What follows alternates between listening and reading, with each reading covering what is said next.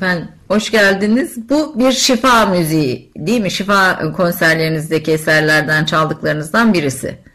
Merhaba, öncelikle hoş bulduk. Evet, bu Su isimli benim eserim ve şifa restallerinde piyano ile yaptığımız ve içinde birçok öğüde kullandığımız, frekansları kullandığımız ve insanın ruhuna şifa olması için beslediğim müziklerden bir tanesi ve bu 528 Hz e, sevgi frekans diye adlandırılan frekans üstüne beslediğim Su isimli eser. Neden adı Su? Bilirsiniz suda e, çok önemli özellikler vardır. Su her şeyi temizler. Aynı zamanda ispatlanmıştır. Mesaj taşıma özelliği var suyun. Dua bile suyu okunur değil mi? Su içmek için evet. işte o şey Çok önemlidir ve vücudumuzun yüzde 70'e yakında su olduğuna göre e, bu eser bu 528 Herz'in e, çerçevesinde beslediğim bu Su isimli eserde şifa e, restallerinde çaldığım eserlerden bir tanesi. Bu 528 e, Hz bu frekans nasıl bir frekanstır? Yani bu e, hemen hemen bütün elbette müzik parçalarında da vardır ama yoğunluklu olarak nerede bulacağız biz bu bu bu frekansı, bu sesleri?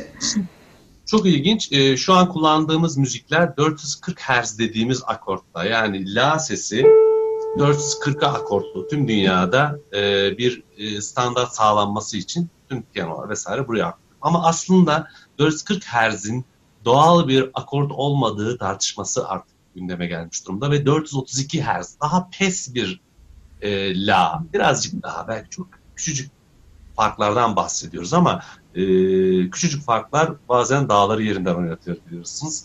Ve e, 528 Hz'de e, maalesef şu anki 440 müziğin içerisinde yer almıyor. O yüzden e, çalınacak e, eserlerin ve e, enstrümanların bir şekilde o herze göre akord edilmesi gerekiyor. Ve buna biraz böyle pes do diyez dediğimiz bir sese geliyor. O da tam o frekansı vermek için. Şimdi neden sevgi frekansı? Frekanslar çok ilginç. Frekansları ama müzik olarak ama titreşim olarak 528 Hz'e maruz kaldığınızda vücudunuzda belli bir değişiklikler olmaya başlıyor. Beyniniz bu frekansa bir tepki vermeye başlıyor. Sebebi de çok basit, çok fiziksel, fizik üzerine bir durum.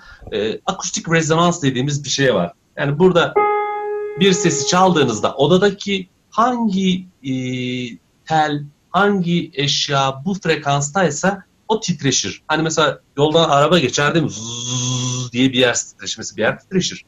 Bunun gibi e, akustik rezonans birbirine tepki verir ve beyin de bu frekansı duyduğunda bu titreşime eşlik eder ve vücudunuzdaki hormonal durumlardan DNA'nıza varan iyileşmeye doğru bir yol çizer. İsminin sevgi frekansı olması çok ilginç.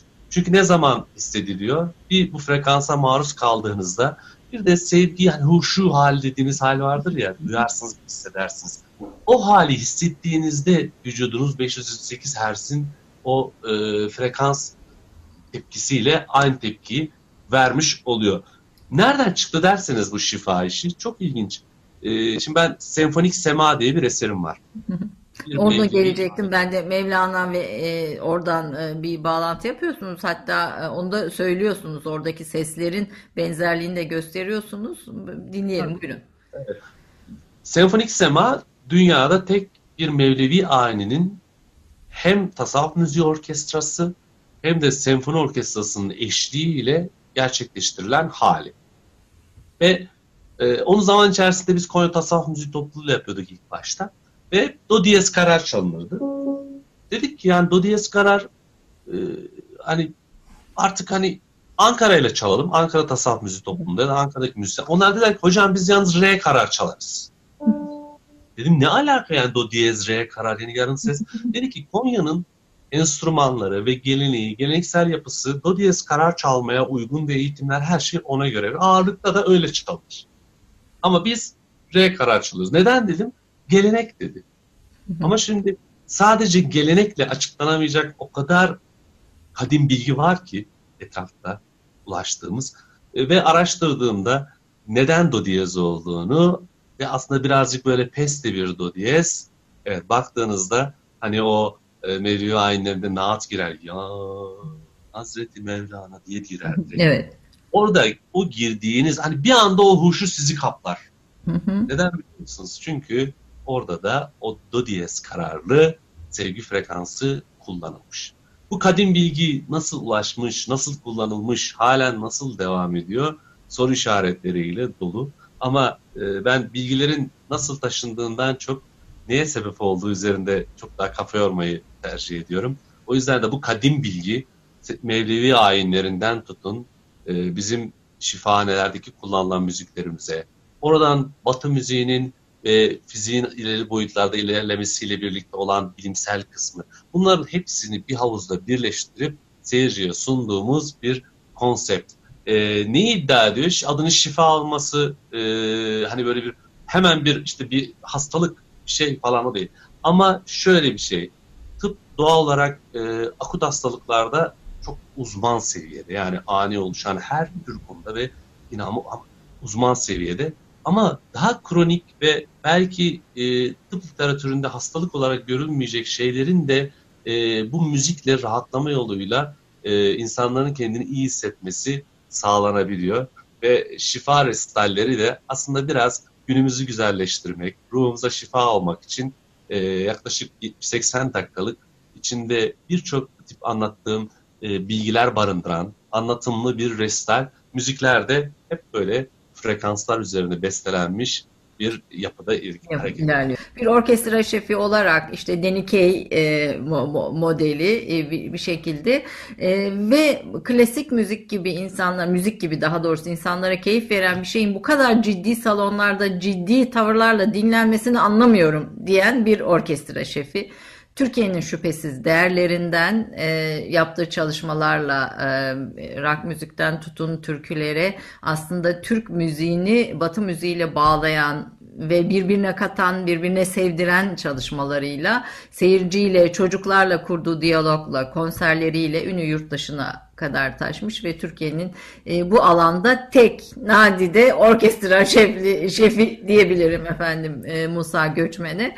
E, bu ara girişten sonra tekrar hoş geldiniz diyorum. Aslında bir kısa biyografinizi de izleyelim e, izleyicilerimiz bir kısa e, özgeçmişinizi e, görsünler. Ondan sonra biz devam edelim kaldığımız yerden. E, sadece bu değil, türküler var, rock müziği var, çocuk konserleri var. E, devamında e, sohbetimiz çok e, önemli noktalara da gelecek.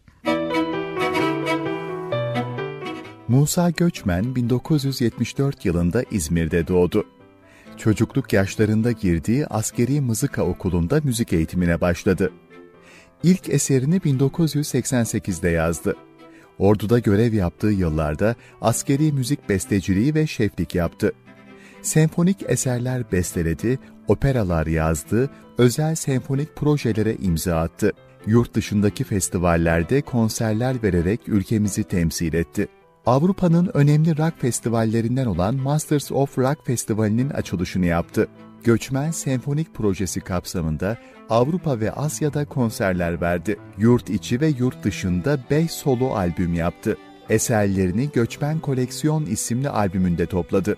Eczacıbaşı Ulusal Beste Yarışması'nda solo keman için Suite adlı eseriyle üçüncülük ödülünün sahibi oldu. Birçok belgesel, film, dizi, tiyatro, reklam ve televizyon müziği besteledi.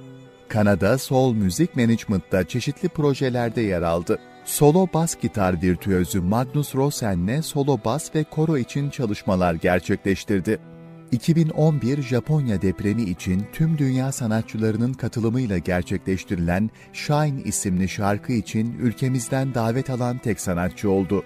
Eserin orkestrasyonlarını yaptı ve şefliğini üstlendi. Çok Sesli Gösteri isimli projesiyle çok sesli müziği çocuklarla eğlenceli ve eğitici bir yapıda buluşturdu.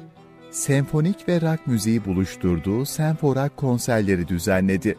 Hala çalışmalarını kendi senfoni orkestrası Göçmen Senfoni Orkestrası ile Ankara'da sürdürmektedir. Ee, şimdi Musa Göç Türkiye'de yani Musa Göçmen ismi bir e, orkestra şefi olarak çok mühim e, bir isim, önemli bir isim. E, fakat bu e, müziğin yanında aynı zamanda sahne performansınızı da e, etkiliyor. E, neden böyle bir e, tarz seçtiniz? Yani biz de sizi gayet böyle o fraklı, kıyafetli, hani bildiğimiz e, senfonik e, e müzik yönetimi yapan bir şef olarak da tanıyabilirdik. Niye Musa Göçmen böyle bir şey yapmadı da böyle bir e, farklı bir şef olmayı tercih etti? Oradan başlayalım isterim. Şimdi e, hani İngilizce'de gift diye adlandırılır, yetenek bir hediye gibi adlandırılır ve e, ben baktım zaman içerisinde daha bir 20 küsur yaşlarda e, aslında e, benim müzikal yeteneğimin yanı sıra bana verilen yeteneğin çok daha farklı bir şey olduğunu fark ettim. E, bir, insanlar e, beni sahnede görmek hoşlarına gidiyordu. Yani izlen, izlemek hoşlarına gidiyordu. Şimdi böyle durumda ben yeni bir yetenek tarifi üzerinde çok düşünmeyi istiyorum. Çünkü şöyle bir şeydir hani yetenekler şimdi bak saysanız işte yazsanız 200 sayfa işte hani şu yetenek, resim yeteneği ama emin olun yeni yetenek tariflerine ihtiyacımız var.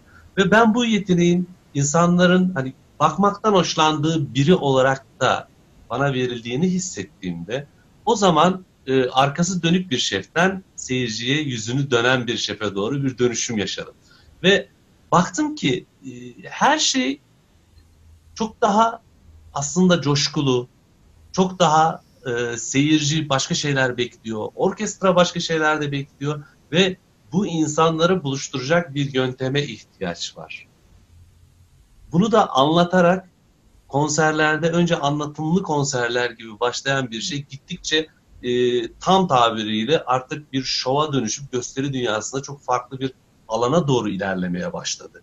E, bunu diyorlar ki neden yapıyorsun? Tek şeyi söyleyeyim, tek kelime seviyorum. yani çünkü o kadar açık ki hani e, bir insan için sevdiği bir şeyi yapmak kadar onu mutlu edecek bir şey yok. Bana diyor ki nasıl bu tempoya dayanıyorsun? İşte mesela en son bu e, korona tedbirleri hayatımıza girmeden önce e, bir haftada altı konserim vardı. Yani e, bir hafta boyunca işte Karadeniz, Marmara, Ege, Akdeniz'i gördüm. Ve arada da yolculuklar var tabii ki doğal Bak, olarak bu kadar. Yani. Yorgunluk. evet. evet. Işınlanmadığımız için. Ama emin olun yorgunluktan öte bir görev gibi böyle o sevgiyle insanları çünkü binlerce insan e, sizi izlemeye geliyor ve bir şeyler onlara bir şey söyleme şansına sahipsiniz ve bunu müzik gibi sihirli bir şeyle yapabiliyorsunuz. Yani o yüzden de hani her anına şükrettiğiniz bir yaşam şekli size ne yoruyor, ne önünüzde bir işmiş gibi görünmeye başlıyor.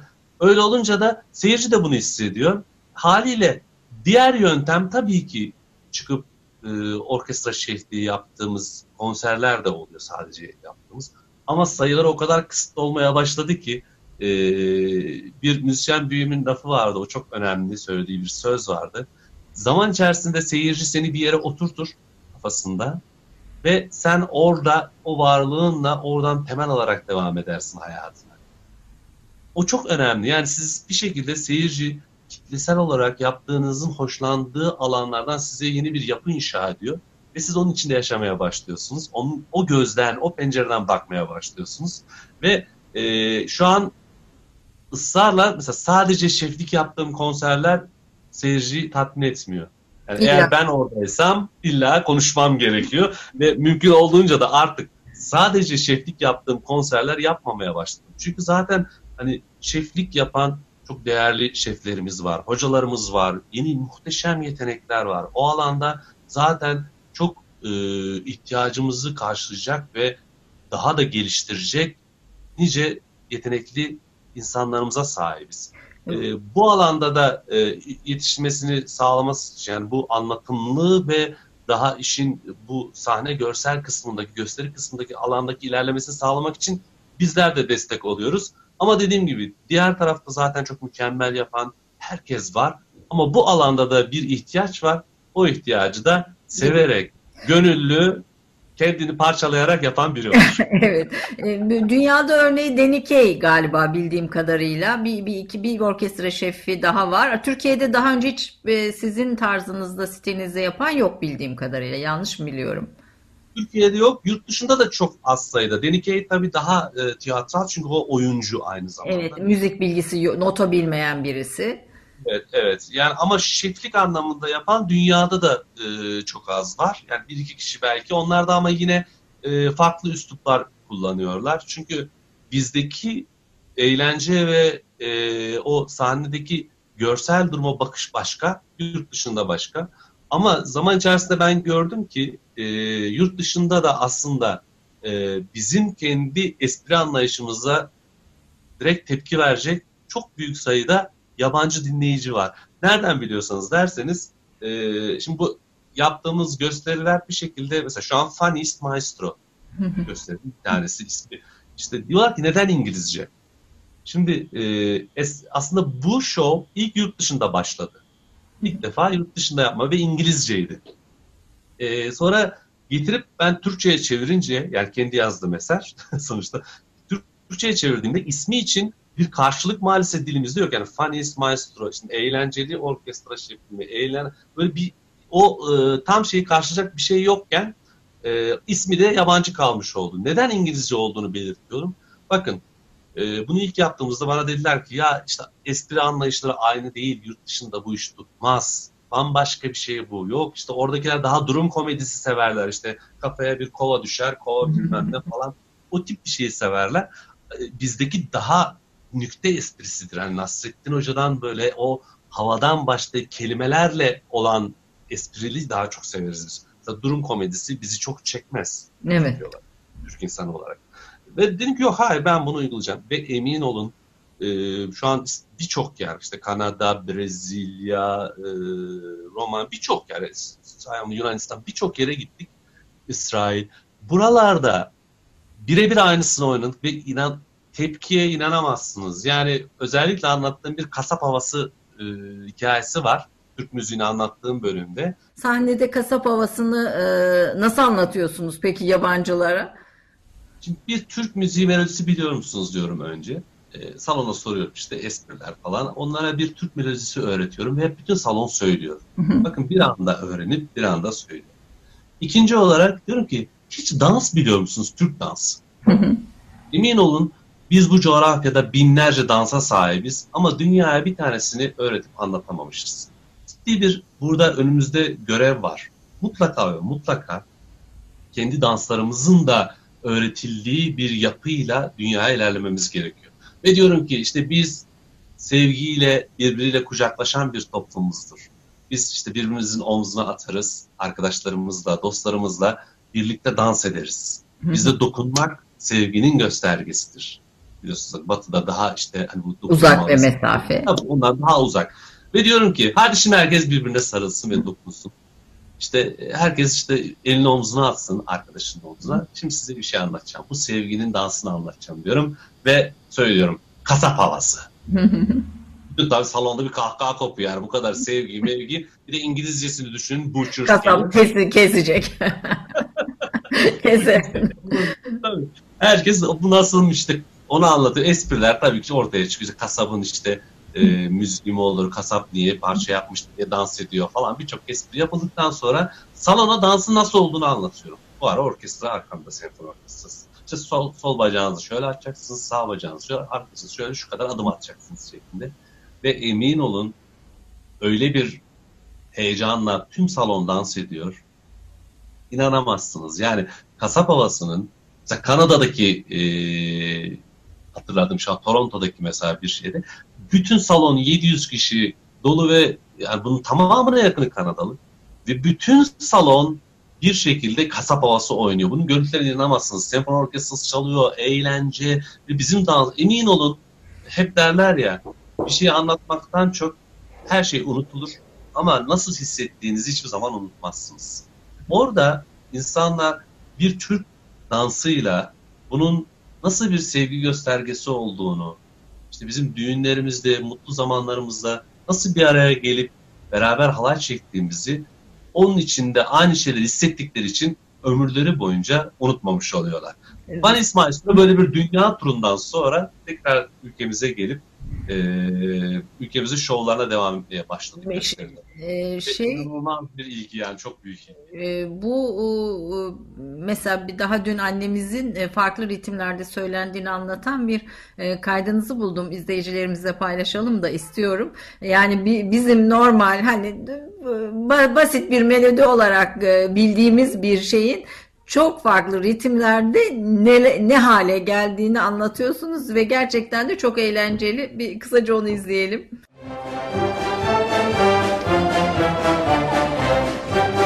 Biliyorsun değil bunu? Biliyorsun. Evet. Ama bakın şimdi aynı melodiyi başka bir tarzda çalıyoruz. Vals. Bir üç dörtlük, üç zamanlı bir dans şekli. Buyurun. Bir, iki, üç, son iki, Bakın aynı melodi. Ah, tarz değiştirmiş olduk. Vals dinliyoruz şu an. Evet.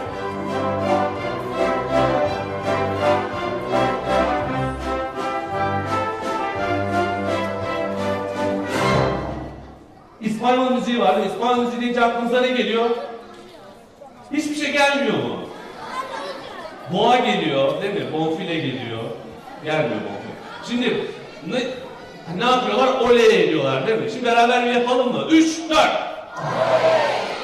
Bu tam Türk işi oley oldu. Oley. Ben İspanyol işi bir oley istiyorum. Üç, dört. Daha güçlü. Üç, dört. Şimdi işaret edeceğim beraber yapıyoruz. Buyurun pasta doble. Bir, iki. Hadi.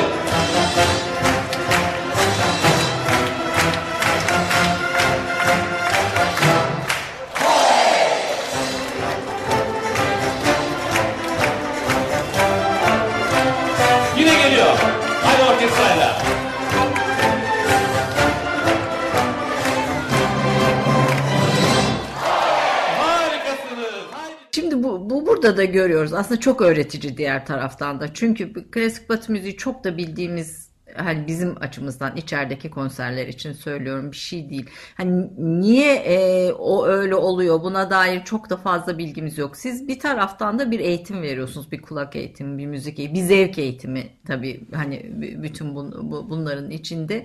E, klasik batı müziğiyle uğraşan birisi olarak Türk topraklarında klasik batı müziğinin hikayesini de biraz sizinle konuşalım isterim. Mesela bize ilk gelen batılı çalgı ne olmuş? Ses sistemlerimiz çok farklı. Batı müziğinin ses sistemi, çalgılarının ses sistemi farklı. Tempere bizde farklı bir ses sistemi var. E, işte orada bu ses sistemleriyle ortaya çıkan sanırım e, işte e, beste sayısında giderek azalma var mı Batı müziğinin geleceği? Çünkü 17. yüzyılda evet hani giderek çok yükseliyor ama bugün geldiği noktada işte Hintli seslere, Türk müziğinin seslerini, Arap seslerini de katıyorlar o şeyin içinde. Yeni bir senfonik beste yapılabiliyor mu? Ee, bir, biraz da bu hani geleceğini, klasik batı müziğinin geleceğini veya dönüştüğü, dönüşebileceği yeri, bizim onunla olan ilişkimizi, mesafemizi konuşalım isterim. Mesela ilk, ilk biz ne zaman duyduk bir batılı çalgıyı e, bu topraklarda? Çok ilginçtir. E, tam tarihini bilemeyeceğim ama Türkiye'ye ilk getirilen ve kullanılması için de çaba sarf edilen enstrüman piyano ve bunu da e, Edirne Mevlevihanesi getirtiyor zamanı. Evet. Çünkü e, şunu kabul etmek lazım. E, Türk müziğinin en büyük formu mevlevi ayinleridir. Yani aslında o hani senfoni dediğimiz o uzun eserler, uzun belki hani bize çok uzun gelip bazılarımız işte belki hani daha alışmadığı için sıkıldığı eserlerin karşılığı Mevlevi ayinleridir. Çünkü Mevlevi ayinleri de girdiğinizde 45-50 dakika, 60 dakika daha uzun olan eserlerdir. Ve bunlar e, Türk müziği bestecilerinin zamanında belli bir olgunluğa eriştikten sonra yazdığı eserlerdir. Haliyle e, çok usta müzisyenlerin bakış açısıyla e, zannedersem bu e, Edirne'de de sergileniyor bu piyano şu an. Türkiye'ye ilk getirilen piyano olarak. Mevleviyane tarafından getirtilmiş ama doğal olarak kendi içerisindeki ses uyumunun e, çözümleri bulunamadığı için e, bir deneysel kullanılmış ve ondan sonra direkt olarak e, kullanımdan çekilmiş aslında. Bir, bir notum var bununla ilgili galiba Japonlar e, bu Balkan Harbi'nin falan da olduğu dönemde o yoğun e, dönemde Japonya'dan bir piyano siparişi verilmiş. E, Japon Türk seslerine de uyarlanabilecek yani bu söylediğiniz besteleri de yapabilecek fakat o gelememiş yolda yarım kalmış. Mesela hiç böyle bir çalışmada var mı? Onu da merak ettim doğrusu. Ben de bilmiyordum sizin bu konuyla ilgili çalışırken öğrendim bu bilgiyi. Ee, hani e, bizim ses mesela Japonlar kendi müziklerine uygun bir piyano yaptılar. Yani bizde de böyle bir piyano o, oluşması mümkün mü acaba? Şimdi bakın mesela piyanonun mantığıyla aslında kanunun mantığı aynıdır. Ee, piyanoda e, akortlanmış sesler vardır ve bu seslerin karşılığında e, ses tuşa bastığınızda bir çekiç gider telin üstünde vurur ve o sesin titreşmesini sağlar. Kanunda da aynı şekilde akortlanmış teller vardır. O tele mızrapla çektiğinizde, dokunduğunuzda o sesi tınlatmış olursunuz. Kanunun klasik Türk müziğini çalmasını sağlayan şeyler yanındaki mandallarıdır. Mandallarla e, sesin içerisindeki o makamın gerektirdiği sesleri ayarlayabildiğiniz bir yapı olduğu için komaları ayarlayıp kendi makamınızı orada oluşturma şansına sahipsiniz. Piyanoda bunu yapmak şu an için yapılabilir. Bence bu bir bu dijital zamanda özellikle hem dijital anlamda yapılabilir hem de akustik anlamda böyle bir e, algoritmayla bir mekanik yazılsa gerçekten karşılığı olabilir. Ama buradaki olay e, işte piyanonun çalım mantığıyla e, aynı kanunun Türk müziğinde çalım mantığı arasındaki farklılık gibi biraz daha. Piyano biraz daha armonileri ağırlıkta çalan bir enstrüman olduğu için yani birçok birçok sesi beraber kullandığımız için acaba e, hani mikrotonal dediğimiz bu alanda nasıl bir sonuç verir? Bunu e, aslında deneyerek görmek lazım. Ama bir mesela mikrotonal gitar var. Şu an bir e, Türk müzisyenimizin yetiştirdiği. Şu an ismini hatırlayamadım kusuruma bakmasın çok şey olunca düşündüğümden. Mikrotonal gitar. Mikrotonal gitarda e, gitarın üzerindeki perdeleri aynı kanun gibi ayarlayarak makamları çalma şansına sahipsiniz. Bu tip yaklaşımlar yani mikrotonal yaklaşımlar e, makamsal yaklaşımlar aslında tüm dünyada kullanılıyor. Tüm dünyada daha önce de kullanılmış. Yani sanki şey gibi algılanmasın. Yani sadece bu işte makamsal müzik işte bizde Türk sanat müziğiyle var falan değil. Klasik müziğinde daha önceki dönemlerinde bu çeşitli yine komaları içeren makamsal çalışmalar da yapılmış. Ama işte buradaki olay şuraya doğru ilerliyor. Siz e, bu armonili dediğimiz sistemi çalmak için e, bir şekilde e, belli bir sayıdaki makama sahip olduğunuz bir yapıyla ilerlemek çok daha mantıklı olmuş. Ve e, Batı müziği bunu majör ve minör diye iki makamda indirgemiş ve bunu kullanmaya başlamış komple o antik çağlardan sonraki alanda. E, bizde tabii sayısı belirsiz makam. makamlar var ve e, o o da o apayrı bir zenginlik. Ama ben bunu şöyle örnek veriyorum. Ne zaman ki e, Batı müziği makamlardan çok tampere sistemine dönmüş, işte o zaman çok sesli müzik devreye girmiş. Çok sesli müzik nedir? Hep bunu soruyorlar bana. Ya neden çok sesli, neden tek sesli? Bana diyorlar ki işte bizde tek sesli var. Hayır, bizim müziğimizin tek sessiz olduğunu söyleyen tamamen büyük bir yanılgı içerisindedir. Mesela bir bağlamayı ele aldınız. Baktığınızda. ram diye vurursunuz değil mi? Mesela nedir işte sol, re, la, mi, sol, la, mi seslerini aynı anda duyarsınız. Bir bağlama tın tın tın tın tın tın sesiyle kimse dinlemez. Kendi tavrı içerisinde onun da bir çok sesliliği mevcuttur. Ona keza kemençe. Kemençe de bir çok sessiz çalgıdır. O beşli dedim bu aralıkları duymazsanız kemençenin etkisi de ortadan kal olmaz. Aynı şekilde tulum değil mi? Tulumda da diye başka bir çok ses vardır altında eşlik eden onun üzerine çalınır. Aslında çok seslilik tüm müziklerin içerisinde bir şekilde mevcut o tavrı vermek için. Ee, ama tabii bunun işi bilimsel kısmına aktarıldığında bu armoninin gelişmesini sağlayan tampere sistemde yepyeni bir boyut katmış müziğe. Onu da şöyle örnek veriyorum ben. Mesela sinemadan bakalım. Sinemada işte iki boyutlu film var. izliyoruz. Bir de üç boyutlu filmler var. Ve filmin senaryosu var. Filmin senaryosu sonuç olarak hiçbir şekilde iki boyutlu, üç boyutlu olmasını etkilemiyor. Hikaye aynı. Bu hikaye işin özü. İşte bu melodi müzik. Yani melodi işin senaryosu. Müzik. Ama siz bunu iki boyutlu film olarak da çekebilirsiniz. Bunu üç boyutlu sinema filmi olarak da çekebilirsiniz. İşte burada sizin bu almak istediğiniz izlenme hazıyla alakalı olan bir tercih.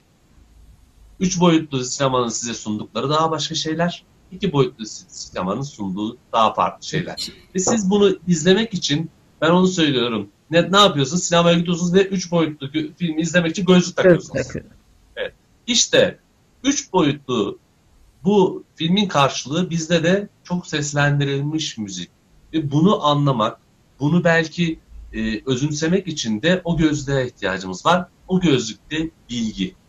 Ne kadar çok biler, bilirsek işte o zaman o müzikten daha fazla zevk almaya başlıyoruz. Tıpkı bahsettiğim gibi o tulumun çok sesliliğini bildiğimiz için tulumdan zevk alıyoruz. Çünkü o çok sessizlik olmazsa onun tulum olduğunu bile algılayamayız. Aynı şekilde de klasik müzikte ya da artık klasik de demek istemiyorum bu çok sesli senfonik müzikte ya da tüm müzikler çok sesli zaten artık.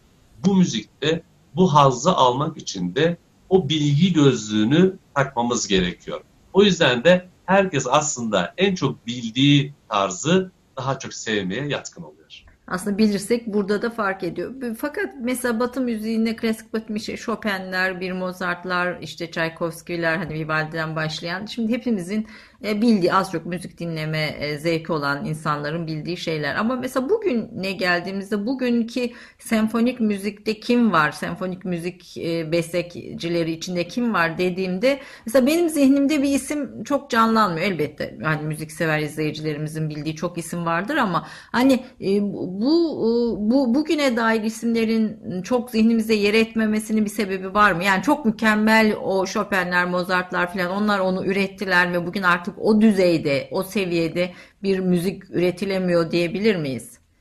Veya daha iyi üretiliyor o da onu da bilemiyorum tabii. Şöyle bir durum var. Ee, orkestraların bu standart besteci konserlerinden çok önceden nasıldı Mozart turneye çıkıyordu. Kendi eserlerini seslendiriyordu ve bununla hayatını geçindiriyordu bir yandan işte çok yer almaya vesaire. Ama orkestralar e, besteci konserlerinden bu tabii çok önceki yıllardan bahsediyorum program konserlerine dönmeye başlayınca işte listem bir tane, şundan bir tane şöyle falan diye bu sefer sürekli tekrar ettikleri repertuarlar oluşmaya başladı. Aynı eseri çalmaktan bahsetmiyorum. Aynı bestecilerin ağırlıklı eserleri çalmaktan.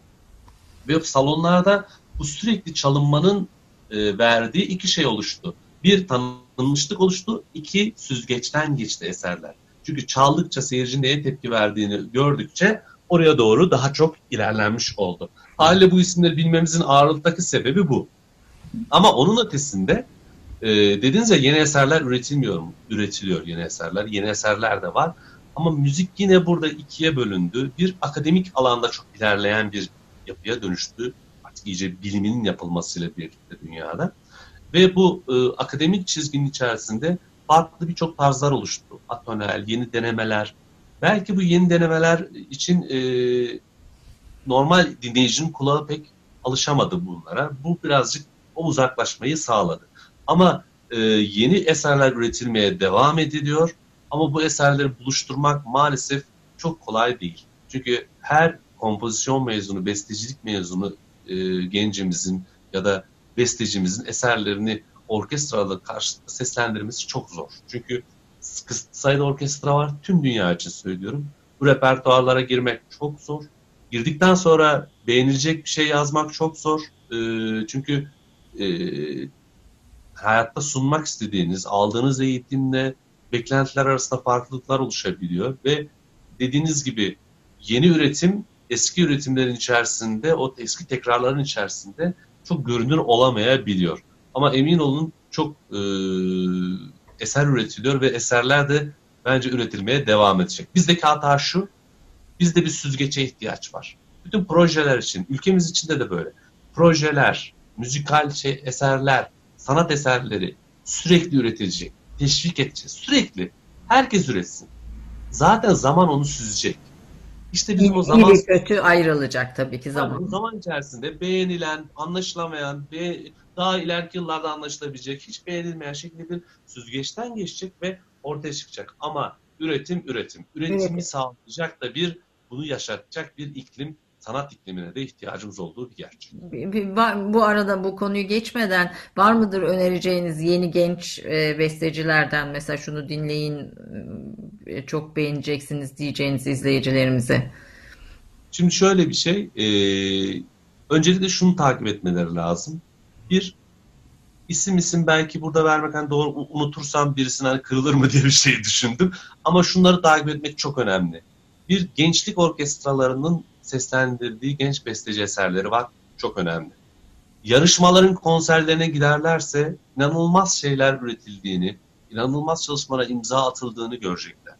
Bir şekilde sıyrılmamızı sağlayan şeyler o klasik müzik ya da senfonik müzik yarışmaları zaten. Bu yarışmalar e, mesela ben de işte atıyorum, atıyorum ne zaman 2000 yılından 2002 yılından Eczacıbaşı e, Ulusal Klasik Müzik Beste Yarışması'nda mesela işte üçüncülük ödülüne e, almıştım ve oradan e, türettiğim kendi tarzımla bugüne kadar gelmemi sağlayan bir ekol oluştu. Bu ekolde nedir? Gücünü kendi topraklarından alan bir senfonik müzik. Aslında yerli bir senfonik müzik diyebilir miyiz buna? E, evet. yerlisi. orada ödül aldığım eser e, solo keman ve orkestra için suite'ti. Bölümleri şöyleydi. Uzun hava, zeybek, horon ve sinsin. Bunlar bizim Türk müziğinin formları ve melodilerini içeren eserler.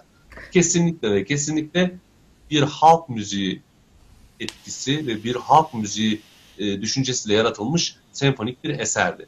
Bakın dediğim gibi bu e, mümkün olacak sadece herhangi bir yere, sosyal medya, internete bu yarışmaları sadece e, izlemek için girse insanlar saatlerce veri bulabilirler ve bunun sonucunda da çok güzel yeni yetenekleri keşfedebiliriz. Siz gene sizden bir isim alamadım ama gene böyle bir hani şu şu, şu isim dinleyin filan diye. Peki peki bir kısa reklam arasına girelim. Ee, siz ilk e, bestenizi 14 yaşında e, yapmışsınız. E, 1988 yılında yapmışsınız galiba ki 14 yaşında yaklaşık ona denk geliyor. Biraz onu konuşalım. Biraz da rock müziğiyle nasıl bağdaştırıyorsunuz e, senfonik müziği nasıl birleştiriyorsunuz birleştiriyorsunuz. Barış Manço ile birleştiriyorsunuz. Mesela işte Barış Manço ve hani o, o çizgiyi de biraz konuşalım isterim. Kısa bir reklam arasından sonra Musa Göçmen'le bu güzel sohbete devam edeceğiz. 30 saniye reklam arası. Türkiye'nin tek haftalık haber dergisi Gerçek Hayat, gündemi yakından takip ettiği dosya ve röportajlarıyla her pazartesi okuyucusuyla satış bayilerinin raflarında buluşuyor. Gerçek Hayat artık sayfalardan dijitale taşıyor. Sayfalara sığmayan yazılar, röportajların perde arkası, interaktif içerikler. Gerçek Hayat artık size daha yakın. Tüm içeriklerden ilk haberdar olmak istiyorum diyenler. Gerçek Hayat, GZT'nin sosyal medya hesaplarına davet ediyor. Reklam arası sona erdi. Efendim Türk kahvesinde konuğum e, Türkiye'nin önemli orkestra şeflerinden birisi Musa Göçmen. E, programın önceki bölümlerinde Musa Göçmen'in müzikle e, olan ilişkisini hem konserlerini e, hem projelerini hem de klasik batı müziğinin gidişatı ve Türk müziğiyle olan armonisi konusundaki fikirlerini dinledik. Şimdi sohbetimize kaldığımız yerden devam ediyoruz. Çünkü Musa Göçmen'in hem birçok projesi var birlikte hayata geçirdiği hem yerli bir e, senfoni ortaya çıkartmakta, e, bir e, ortaya bir sentez ortaya çıkartmakta çok önemli projeleri var. Müziği sevdirmek için önemli projeleri var. O yüzden biz kaldığımız yerden e, devam edelim. Önemli projeler dedim Musa Bey. E, bu e, projelerin birisi köy e, orkestrası. Nedir köy orkestrası yani bu yerlilikten de söz etmişken biraz onu da sizden dinleyeyim istiyorum. Şimdi e, salonlarda konserler yapıyoruz. E, ve benim e, yıllardır uyguladığım Robin Hood projesi dediğim bir şey var. Yani salonun belli bir kısmını imkanı olmayan çocuklarımız e, için ayırıyorum ve e, onları da bir şekilde ücretsiz işte yetiştirme yurtları, imkanı olmayanlar, işte kasabada köyde olup yetişemeyenler için ücretsiz olarak izletme şansı sahip oluyoruz. Yani bilet alanlar aslında bir şekilde e, bu Robin Hood tırnak içerisindeki projedeki olduğu gibi bilet alanların ödemesiyle de e, imkan olmayanlar da izlemiş oluyorlar. Buraya kadar her şey güzel gitti. Yaklaşık bir e, 9 senedir bu çok sesli gösterinin çatısı altında bu çalışmayı yapıyoruz. Hatta en son 143.sünü yaptım. Sayı o kadar yükselmişken ama geçen sene özellikle e, bir şey istemiştim. Tamam biz imkan olmayanları çağırıyoruz ama hiç gelemeyecek olanlar var. Bunlar da köylerinde e, uzakta kalan ve imkanı olmayan ve gelme mesafesi dahi mümkün olmayanlardan bahsediyoruz. Ve bunu geliştirmiştim geçen sene ama geçen sene fırsat olmadı. Ama bu sene e, Temmuz ayı itibariyle inşallah şu e, başımızdaki illetten de bir an önce kurtulup sağlıkla, saatle yine eski günlerimizdeki gibi neşeyle e, buluştuğumuz zaman e, orkestrayı köy orkestrası adı altında köyün meydanına gidip işte ışıklarla sahneyi kurup orada güzel bir işte e, konser ortamı yaratıp sandalyeleriyle vesaireleriyle oradaki imkanı olmayan çocuklarımıza aileleriyle birlikte çok önemli. Aileleriyle birlikte bu senfonik müziği ama yine eğlenceli, sevdiren bir üslupta hem Batı'nın hem kendi müziklerimizin olduğu, yine Barış Manço'nun olduğu, türkülerimizin olduğu, belki beraber söyleyebilecekleri çocuk şarkılarının olduğu ama onun yanında yine işte Batı'daki örneklerin de olduğu, aslında onların da bir dünya insanı olarak geleceğe yeni hayaller kurmasını sağlayabilecek bir projeydi bu. Ve bunu başlattık. Ee, şu an e, oldu mu hiç gittiğiniz bir köy e, e, gerçekleşti mi için? Şu an için e, sponsorluk çalışmalarını ve destek çalışmalarını başlattık. Ama o kadar heyecanlı oldu ki yaklaşık şu an ilk aşamada 10 köye gidecek ve şu an iki köyün e, sponsorluk çalışması sonuçlanmış oldu. Yine burada da iki tip sponsorluk var. Bir sponsor olarak destek olanlar var. E, diğer türlü de dediğim gibi aldıkları biletlerle aynı yıllardır yaptığımız gibi başkalarının izlemesinde Sağlay sağlayanlar var. Ee, bir orkestra kaç kişiden oluşuyor tamamı? Ya burada tabii ki e, repertuara ve bestecinin yazdığı sayıya göre bir e, kısıtlama oluşuyor veya ona göre çalışmak gerekiyor. Bu da hani 40 kişiden başlayıp işte 90, 100, 150, 200 sayı e, dediğim gibi biraz aslında eserin niteliğine göre değişmiş oluyor.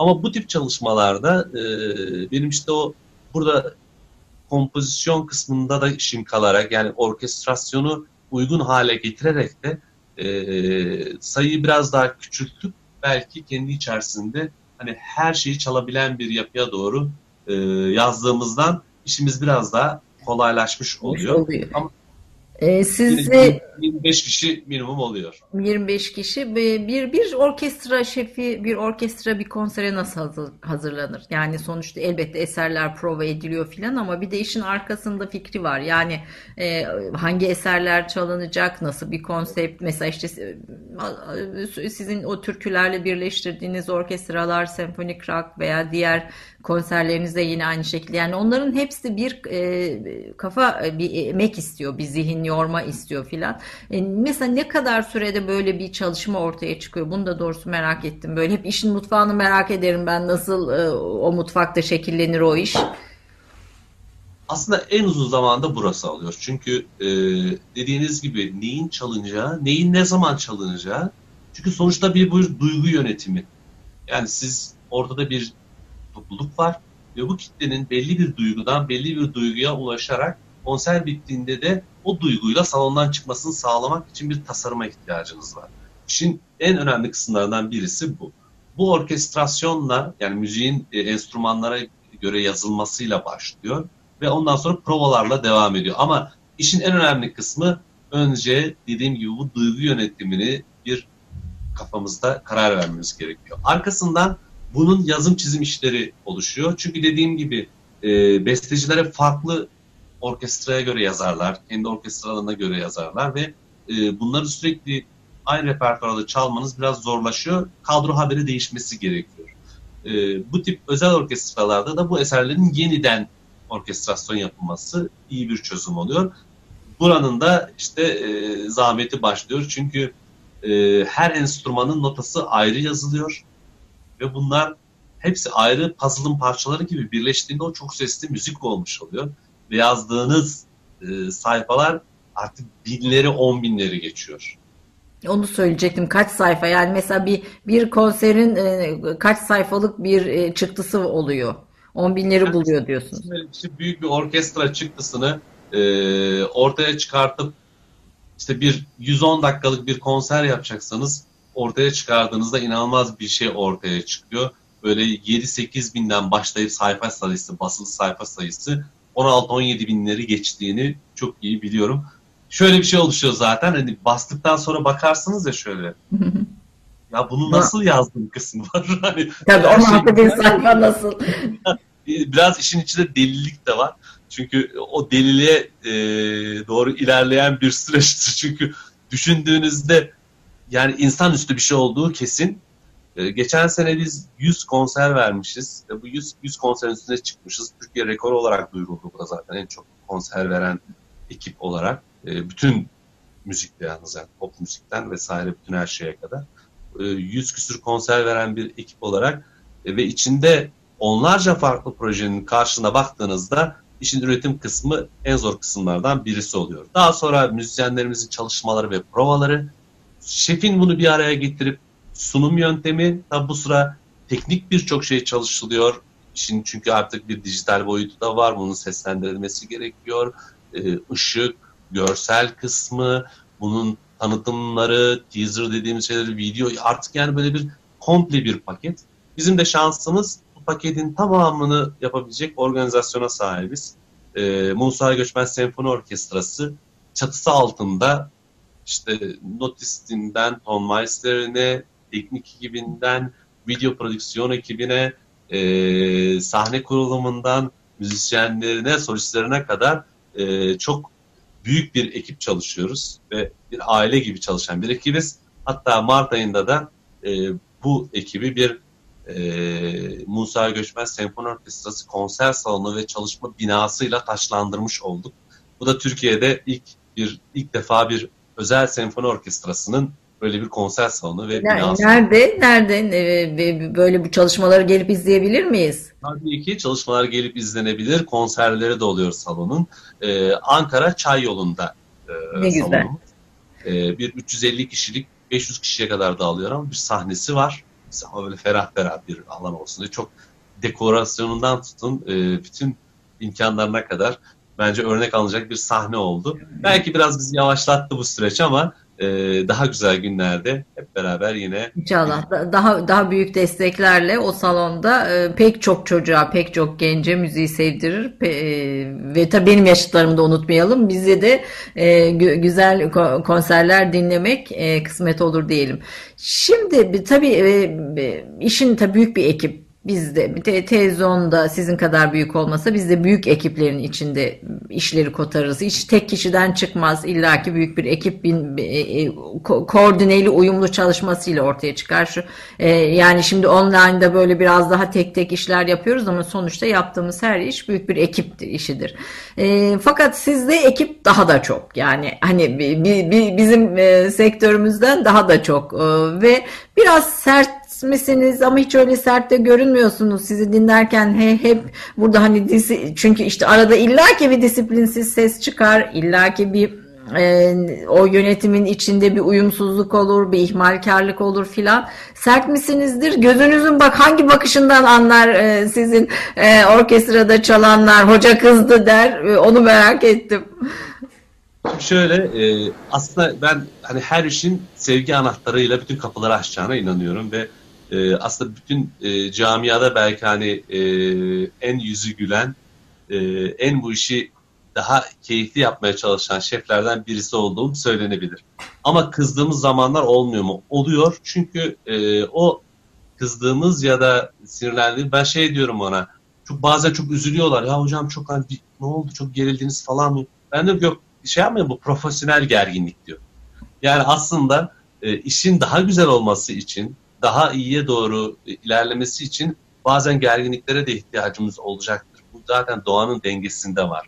O anda da o profesyonel gerginlik belki bir şeyin daha güzelleşmesini sağlıyor. Ama üslup olarak emin olun e, o çok sert üslup yerine e, sevgiyle yapılan ve gülerek yapılan, zevk alarak yapılan bir üsluptan geçtiği için şu an orkestra 20 senelik bir orkestra bizim orkestramız. Ve e, 20 senedir hep bu üslupla olan kişileri birbirine çekti. E, bu üsluptan hoşlanmayan e, kişiler işin dışında kalınca böyle çok ayrı bir yapıya doğru dönüştü. Peki dayanamadığınız bir şey yok mu? Yani hani bu Musa Göçmen'in ekibinde olmaz denecek e, o, o şeyiniz yok mudur böyle? Hani ben buna asla izin vermem diyeceğiniz. Ben e, ilk önce kendi içinde toplumsal e, kırgınlık ve saygısızlığa kesinlikle izin vermem. Bu net, bu kesin doğrularından birisidir. Ama listedeki en baştaki şey e, böyle hani her ortamda şikayet edip gerginlik yaratan e, bir mizaç maalesef bizim içimizde barınamıyor. Çünkü e, bizim için her şey çözüme odaklı ve seyircimizi seyircimizle birlikte o mutlu olduğumuz anın güzel geçmesine odaklı. Ve emin olun şu an orkestra öyle e, haberleşiyoruz, telefonlaşıyoruz, yazışıyoruz. Herkes şunu söylüyor. Ya ne kadar güzel bir şeyin içindeymişiz. Şimdi çok çok daha iyi anladık. Çünkü o kadar keyifli yapılıyordu ki o kadar güzellikle devam eden bir şeyin içinde olduğunuzu hissettiğiniz anda evet muhteşem bir şeyin içindeymişiz. Emin olun e, ben biraz da bu açıdan da bakıyorum. Şimdi evdeyiz belki e, sıkıntılı bir dönem oluyor. insanlar şey ama mutlaka ve mutlaka o güzelliklerin farkına varmamız için bir turnusol kağıdı gibi de düşünebiliriz bunu. Şimdi hepimiz bir şekilde özlediklerimizin, sevdiklerimizin, müziğimizin, sanatımızın, yaptıklarımızın bir şekilde kıymetini biraz daha anlamış olduk. Bu dönem geçtikten sonra bence hepimiz için de bu yepyeni bir bakış açısıyla daha farklı alanlara ilerlediğimiz bir yere doğru gidecek diye düşünüyorum. Ev konserlerini de başlatan sizsiniz bildiğim kadarıyla en azından öncülük edenlerden birisiniz. Ee, evden de çalıyorsunuz e, izleyicilerinizle online. Hatta 23 Nisan'da bir çocuk e, konseri olacak. Nasıl evet. olacak biraz onu da dinlemek isteriz. Çünkü 23 Nisan'da gerçekten e, çocuklarımızın o coşkuyu da yaşamasını istiyoruz. E, nasıl katkı sağlayacaksınız? Çocukları toplayalım, e, nereye toplayalım, ne yapalım? Şimdi çok e, önemli bir şey.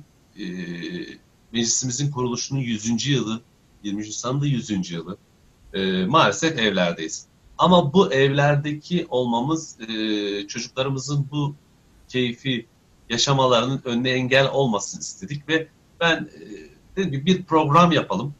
Program sabah 10'da saygı duruşu istiklal marşla başlasın. Bildiğimiz tören gibi. Evet. Konuşmalar olsun, şiirler olsun, işte e, enstrüman çalanlar olsun, çok sesli gösterinin tamam tamam versiyonunun yayınlandığı ve içinde birçok sanatçının mesajlarının olduğu, her şeyin nasıl daha e, birlikte üretildiğinde ne güzel sanatsal bir çizgiyle birleştiğini anlatıldığı bir program akışı olacak. Bu da iki yerde yayınlanacak. Bir tanesi Musa Göçmen sosyal medyasında, Instagram ve Facebook'ta ve diğerinde de e, sanattv.com.tr Yani buraya girdiğinizde hem 23 Nisan coşkusunu sabah 10'dan itibaren sürprizlerle yaşayabileceğiniz bir program hazırlıyoruz.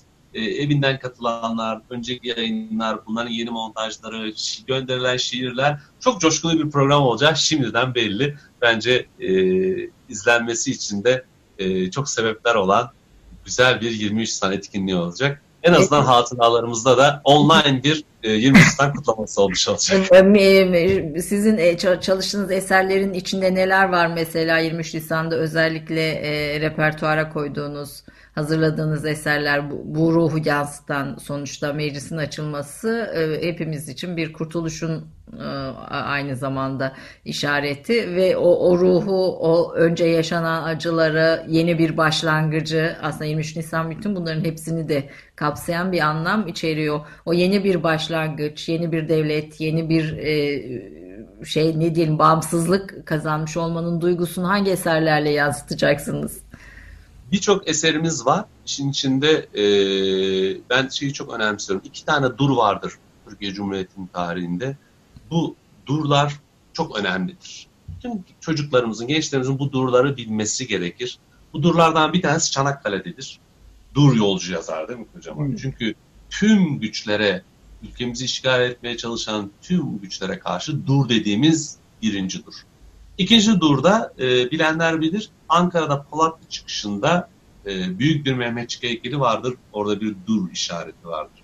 İkinci durda Sakarya Meydan Muharebesi'nde İsmet İnönü'nün bütün o e, artık Ankara'ya işgalcileri yani işgalcileri durdurduğu ikinci dur vardır. O yüzden bu iki durunda içeren Çanakkale Türküsü Sakarya Marşı kesinlikle repertuarda var. Bunun yanında bahsettiğiniz e, o melodiden işte daha dün annemizden yola çıkıp birçok tarzları dolaşan var. 23 Nisan'la ilgili repertuarlarımız var. Türkülerden bölümler var.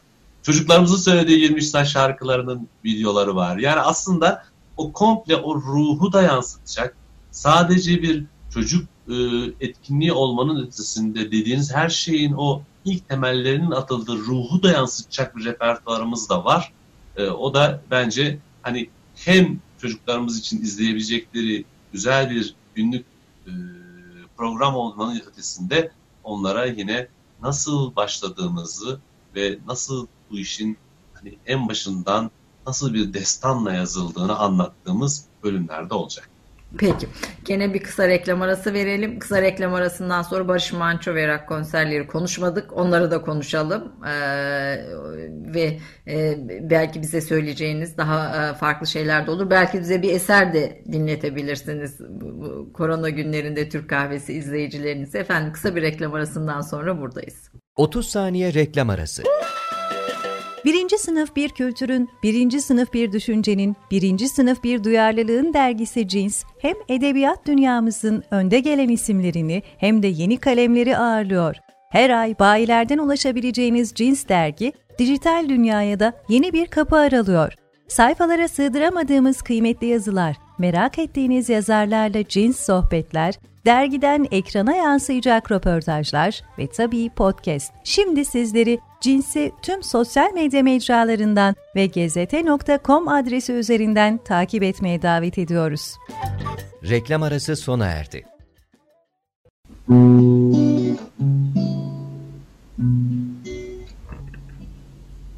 Ayrılık kol geziyor. Acılar pek yakında. Bu filmi görmüştüm ben.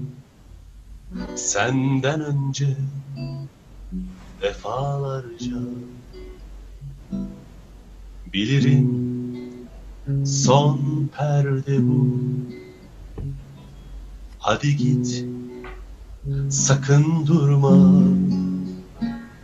Tanıdığım birçok giden Senden önce vefasızca.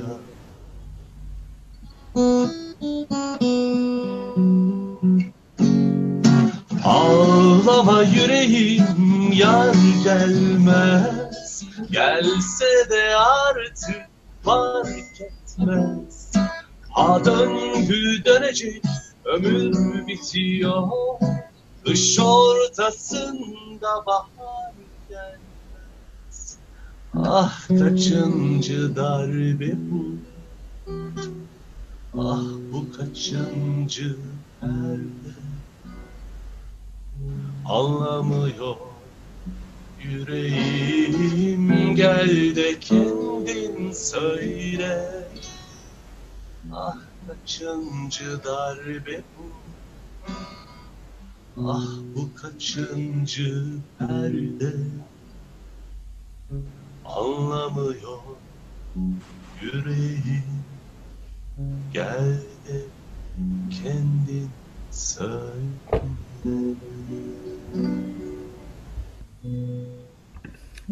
Evet. Ee, çok teşekkür ediyorum. Kaç kaç enstrüman çalıyorsunuz Musa Bey? Yani aslında ben e, ilk askeri müzik okulunda klarnet eğitimiyle başladım. E, ondan sonra ama çok kısa bir süre sonra böyle besteciliğe doğru evrilen bir sürecim oldu. Ama klarneti yine e, hani tabii ki aldığım eğitimden dolayı çalmaya devam ediyorum ama sahnelerde pek klarnet çalmadım açıkçası çok bir süre. Doğal olarak kompozisyon dediğimizde piyano devreye giriyor. Piyano bu işin olmazsa olmazı. Çünkü hani o çok sessizliği elde edebileceğiniz en e, kompozisyonda kullanacağınız enstrümanların başında piyano geliyor. Gitar, uzun yıllar gitar çaldım onunla şey. Bunun yanında e, yine kendi merakımdan dolayı işte saksafon, trompet, trombon bunların e, çalma ve nasıl çalınacağını öğretme e, eğitimini de almış oldum. Yani aslında böyle birçok enstrümanı aynı anda kullanma şansım var ama e, ağırlıkta e, baktığınızda hiçbir şey yapmadan elimi kolumu sallıyorum. sahiden yani sahiden insan öyle düşünüyor. Bu, bu sopaları böyle sallamasanız o, o çalgılar çalınmayacak mı duygusu da. Zaten bunu soruyorlar. Yani hep karşılaşan şey hocam ne iş yapıyorsunuz? İşte orkestra şefiyim. Hemen ondan sonra böyle bir derin boş sessizlikten sonra o soru. Yani hocam şimdi sen elini kolunu sallamasan bu orkestra çalamıyorum. Çalamıyor mu? Peki ben de sorayım çalamıyor mu? Şimdi şöyle bir şey var. Evet. Orkestra şefi e, normalde e, en önemli zamanlarını provalarda harcıyor. Çünkü bir şekilde provalarda aynı müziğin tonmeisteri gibi hangi sesi ne kadar yükselik duracağından tutun onların aynı anda çalması gereken zamanı ayarlamaktan ve işin duygusunu Yansıt. anlatmaya kadar, yansıtmaya kadar birçok şey var yapılması gereken. Yani ve çok böyle belli çerçeveleri, çizgileri olan bir sanat dalı değil aslında. Bir e, farklı bir yapısı var. Yani çok farklı bir disiplin orkestra şekli. Müziğin biraz daha yönetimsel ve duygusal kısmında çünkü. Ama onun ötesinde çubuk tabii ne işe yarıyor? Çubuk eserlerin aynı anda başlamasını sağlıyor. Sonuçta ne dedik? Hani 25-30 kişiden tutun 500-600 binlere kadar olan kişiden bahsediyoruz ve bunların aynı anda başlamasını sağlayacak bir tempoya ihtiyaç var.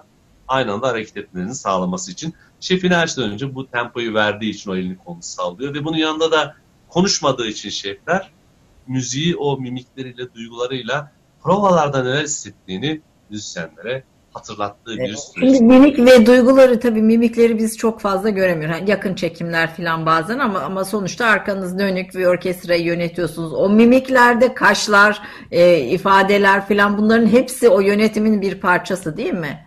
Kesinlikle.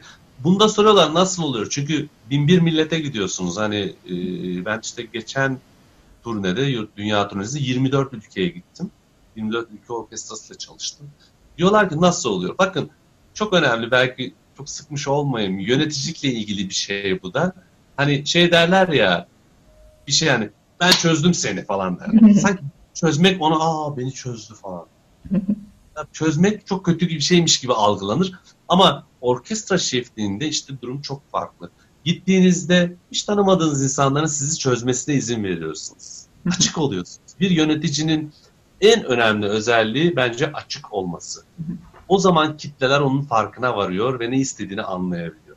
Yöneticilik açısından orkestra şefine baktığımızda açık olduğunuzda orkestradaki tüm elemanlar bu adam nasıl sinirlenir, bu adam nasıl gergin bakar, nasıl daha duygusal bakar, nasıl güler, nasıl bir iletişim içindedir. Tamamen beden dili ve telepatik bakışlarla olan bir ilişkiden bahsediyoruz. Siz bunu açık olarak karşınıza sunduğunuzda işte o zaman orkestrayı gerçekten yönetmeye başlıyorsunuz. Çünkü sizin nasıl hissettiğinizi tek kelimeyle bile söylemeden hisseden bir topluluktan bahsediyoruz. Ama burada bir, bir mimik tiyatro eğitimimiz falan yok ama değil mi? Tabii bu çok doğal yetenekle gelişen e, yetenek. Böyle yapmaya başladığınızda bu daha da komik oluyor çünkü.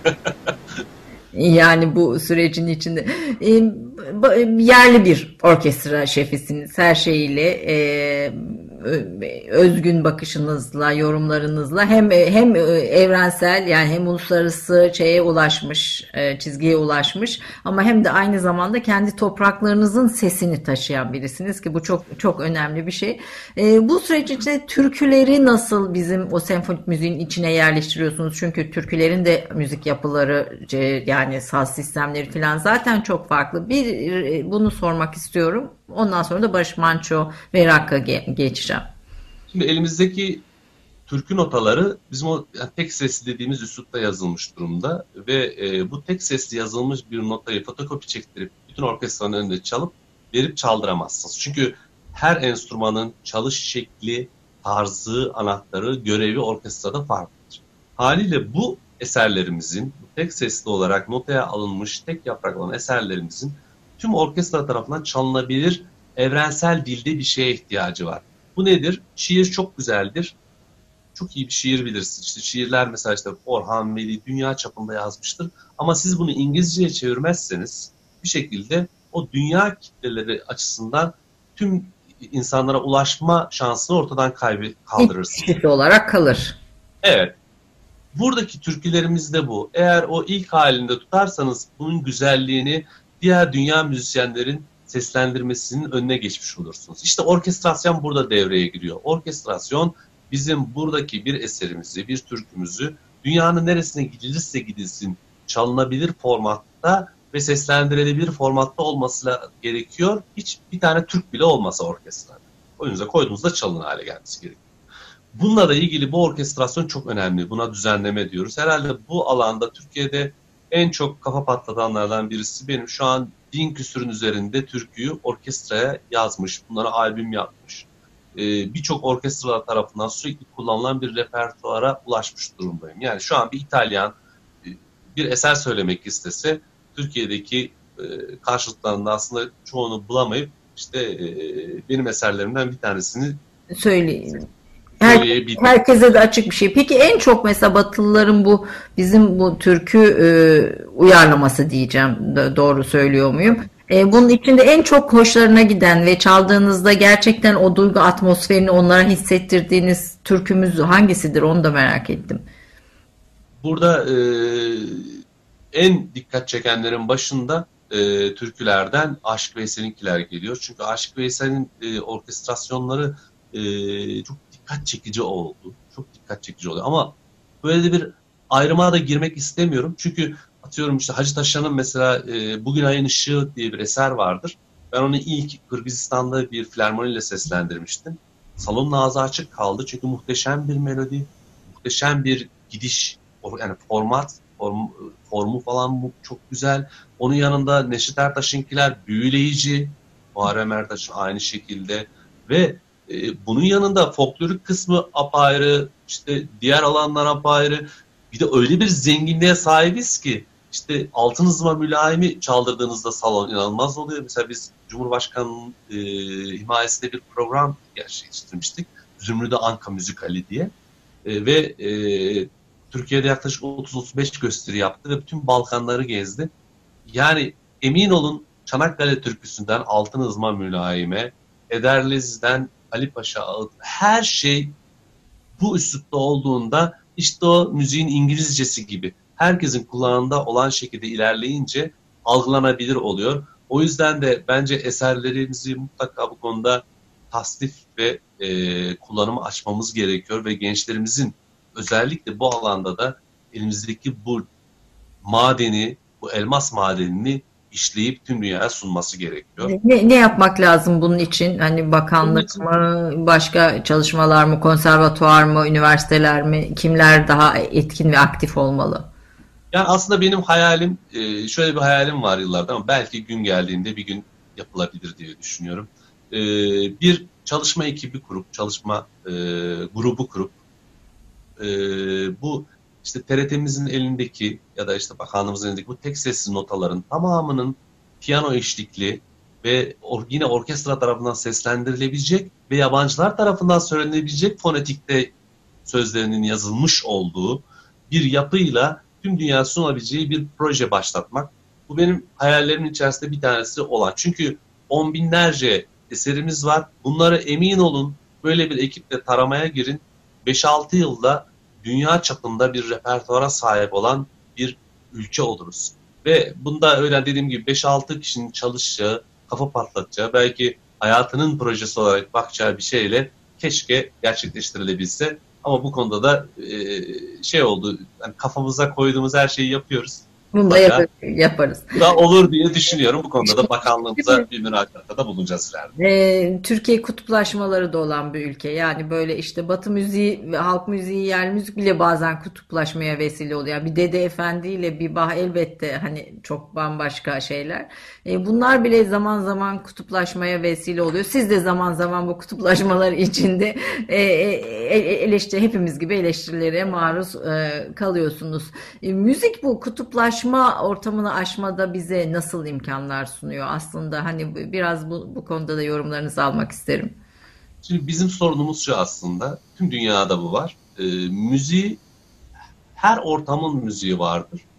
Müziğin de ortamı vardır. Biz burada e, müziği her şekilde bu açıdan baktığımızda o kutuplaşmanın önüne geçiyoruz zaten.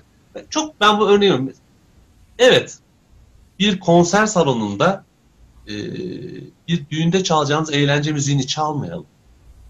Ama düğün salonunda da konser salonunda çaldığımızı çalmayalım. Zaten komiklik burada çıkıyor. Yani e, yerine göre müziği kullandığımızda komple o müziğin kendi içindeki kutuplaşma ortadan kalkmış olacak zaten. Bizim burada anlatmak istediğimiz bu. Bir kültür sanat festivali yapılınca e, hani bir düğün orkestrası kıvamında bir eser sunmayalım ama düğünde de kalkıp apayrı işte Bach Beethoven falan komikliğine düşmeyelim. Yani bu çok bilerek kutuplaştırıyorum, açıyorum ki yani iyice anlaşılsın diye. Çünkü ortamın müziği ve müziğin ortamı var. Biz bunları yaptığımızda bu taşlar zaten yerine oturacak. Haliyle ne dinliyorsak biz o ortama doğru hareket edeceğiz. Ya da ortamda doğru müziği dinlediğimiz için bu e, kutuplaşmanın da önüne geçmiş olacağız. Ama diğer açıdan baktığımızda kendi içimizdeki kutuplaşmamızı müzik nasıl aşar? İşte bu işin sırrı da burada başlıyor. Nasıl aşar biliyor musunuz? Bak Sultan Bestekarlar diye bir proje yap. Sultan Bestekarlar projesi şu. Padişahlarımızın meslekleri vardı. İşte marangoz olan var, işte mücevherat işleyen var. Ve padişahlarımızın arasında besteci olanlar, yani mesleği besteci olandan bahsediyorum. Yani şu an benim mesleğimde olan padişahtan bahsediyorum.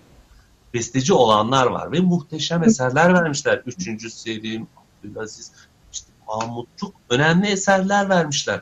Şimdi bunları alıp e, sadece klasik üslupta, klasik müzik üslubunda, klasik sanat müziği üslubunda bir yerde tutup bu tarafa doğru, aa işte padişahın bestesi bak burada falan.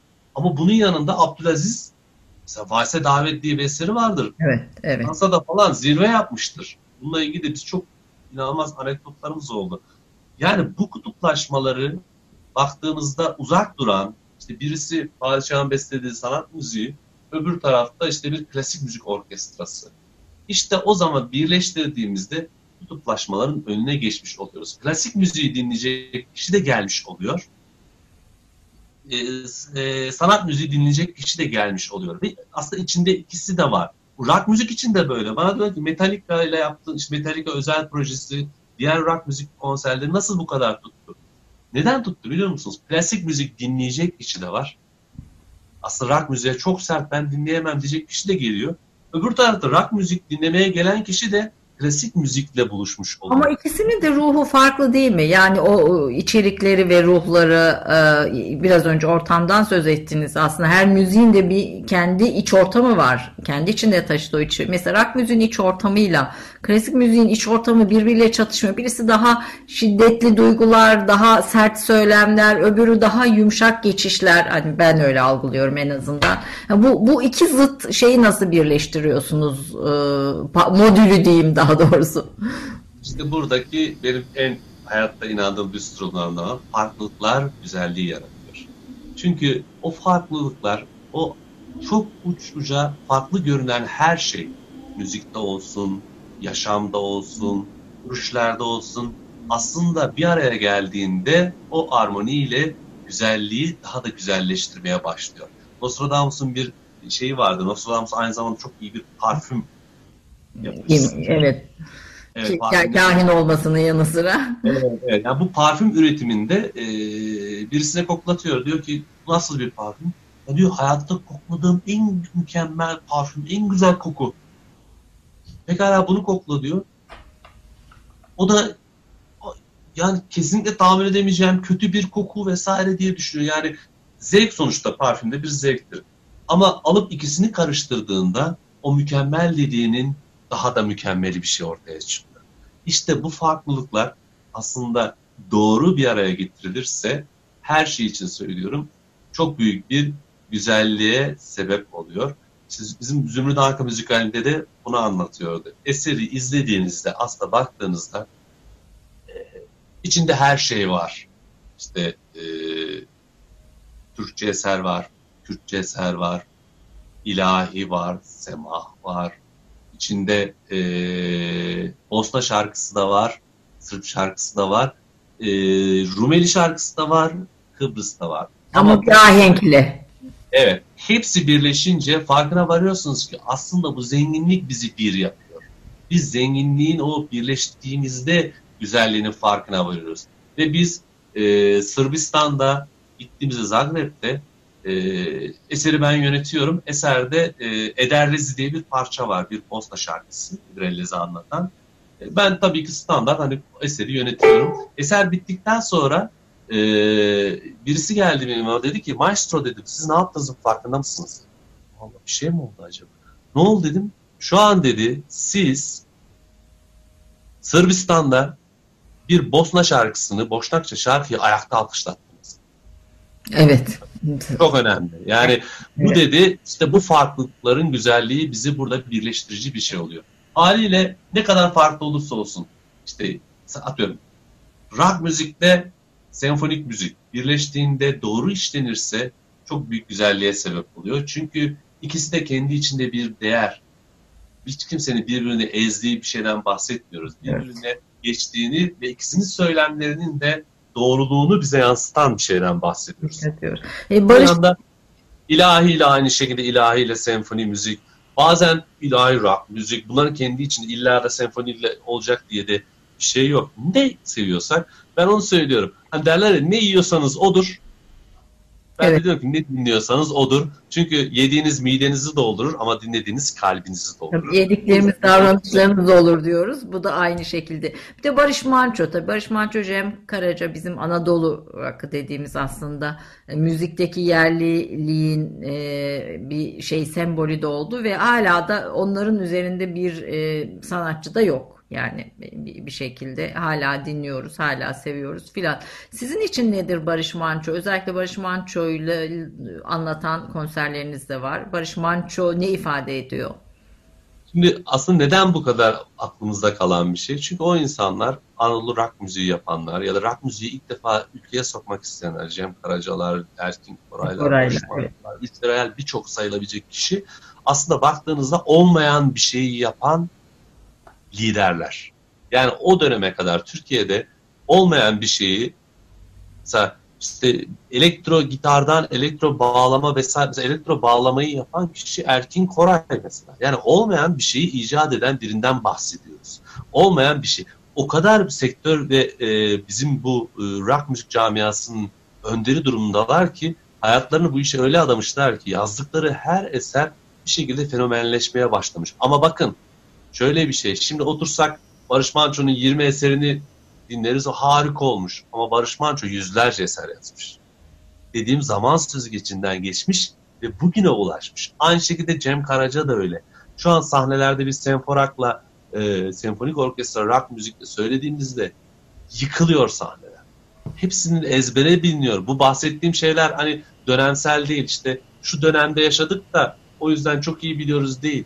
Ufacık daha yeni doğmuş işte 3-5 senelik çocuk da söylüyor şarkıyı işte yaşı oldukça yaş almış kişiler de söylüyor. Valla benim torunum var Sevda Kuş'un kanadındayı söylüyor. 3 yaşında Cem Karaca'nın duya duya onu çok e, ve söyleyebiliyor yani enteresan bir şey e, durum. Ya dediğim gibi bunlar çok büyük değerler ve çok büyük ustalar. Ee, biz de ustalardan feyz alıp onların yolunda ilerleyebilecek nesiller için onları belki bugünün kulakları içinde uygun olabilecek bir yapıyla sunuyoruz. Senfonik orkestra daha işte gö görseli de yüksek, gösterisi yüksek, kalabalık, aynı zamanda beraber söyleyebilecekleri interaktif bir yapı.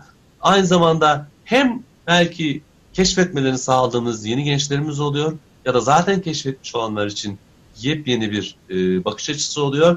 E zaten bizler için de onlar hepimizin doğayan sanatçıları farklı bir farklı keyif oluyor.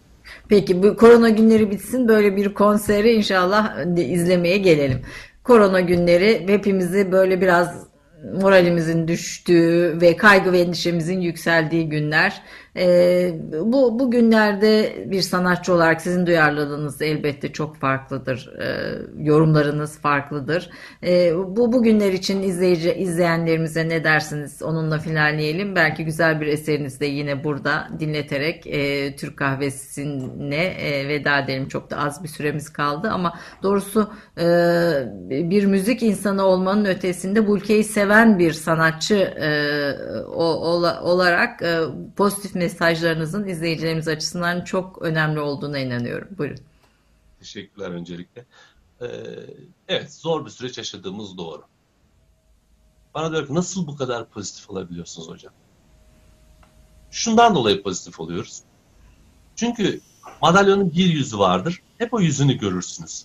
Ama madalyonun güzel yüzüne bakmış olmam, madalyonun arkasındaki kötülüğü görmezden geliyorum anlamına gelmez. Sadece ben madalyonun güzel yüz, yüzüne doğru bakmayı tercih ediyorum.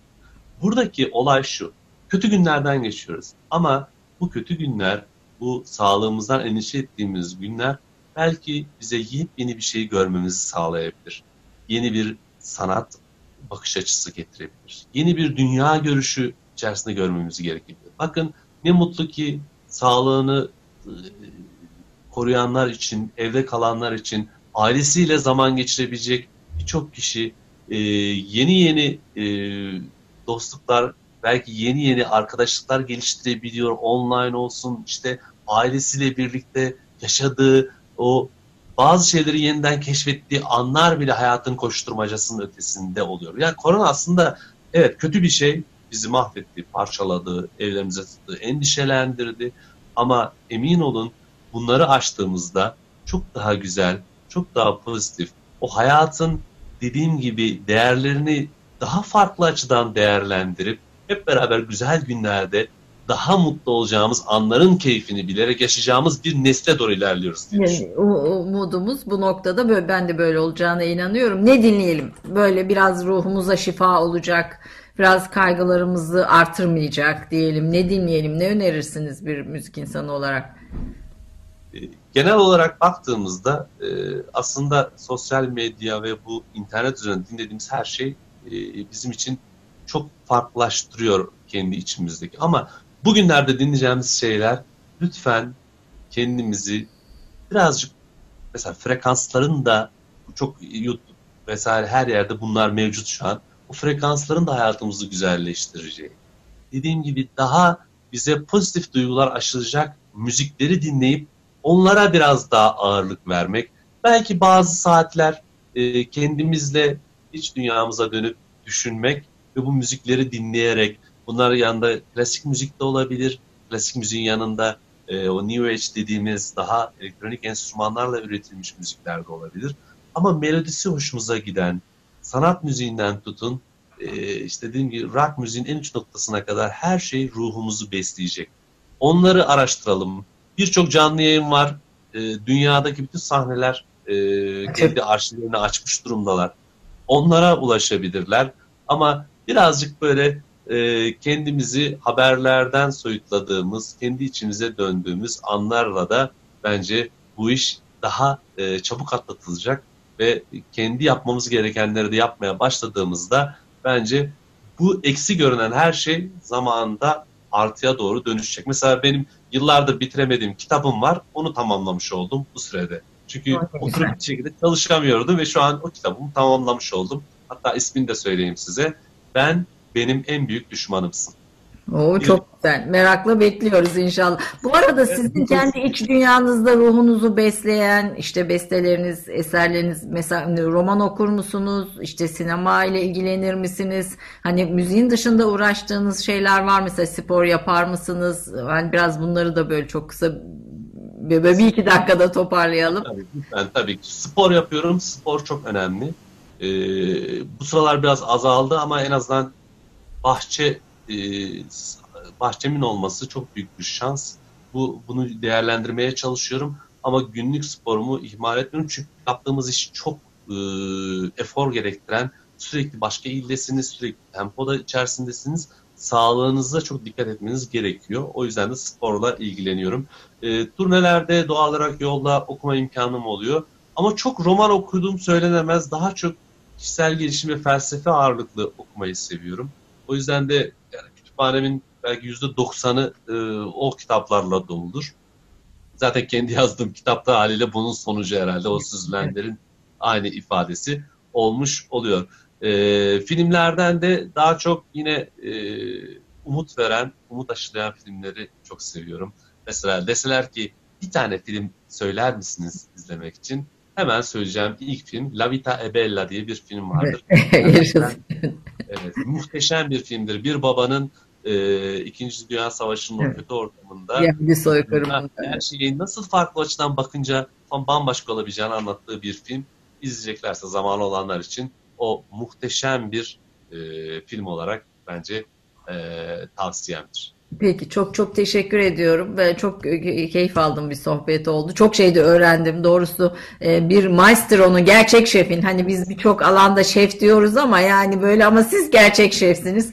Bir gerçek şefin iş dünyasında, bir müzik insanının iş dünyasında bizimle paylaştınız. E, çok çok teşekkür ediyorum. Veda ederken izleyicilerimize şifa olacak diyelim belki şifa frekansını yansıtacak. E, bir bir eserle de veda edelim. Tekrar çok teşekkürler Musa. Musa Bey. Sağ olun. Ben de teşekkür ediyorum. Harika bir yayın oldu. Ee, bence e, bu keyifle karşılıklı sürdürdüğümüz bu yayından hep beraber Yüzün isimli eserle çıkalım istiyorum. Yüzün neyi anlatıyor? Yüzün benim en çok seslendirilen eserlerimden bir tanesi. Yüz çok önemlidir. Altın oran e, biliyorsunuz doğanın o işte yaratılışın sırrı altın oranda gizlidir. Yüzde de altın oran vardır. Ve bu altın oran beni çok etkilemişti altın oran acaba müziğe uygulansa nasıl olur düşüncesiyle bu eseri yazmıştım ve en çok seslendirilen eserlerimden birisi olmuştu. İsmi neden yüzün? Yüzle hatırlarız. İnsanları yüzü severiz. İlk yüze bakarız. Birini düşündüğümüzde yüzü aklına gelir. Ve her şey yüzde başlar değil mi? Hayat yüzde başlar. Bebeğin ilk yüzünü görürüz. Ve her şey yüzde biter. Doğa bile yüzde tamamlanır. O yüzden yüz çok önemli ve bu bir altın oranı anlatan bu eserde yine şifa restallerinde var. Yüzün isimli eser. Onunla da veda etmiş olalım seyircilerimize. Saygılar, sevgiler. İnşallah çok daha güzel günlerde İnşallah. hep beraber daha mutlu yarınlara doğru. İnşallah. Buyurun.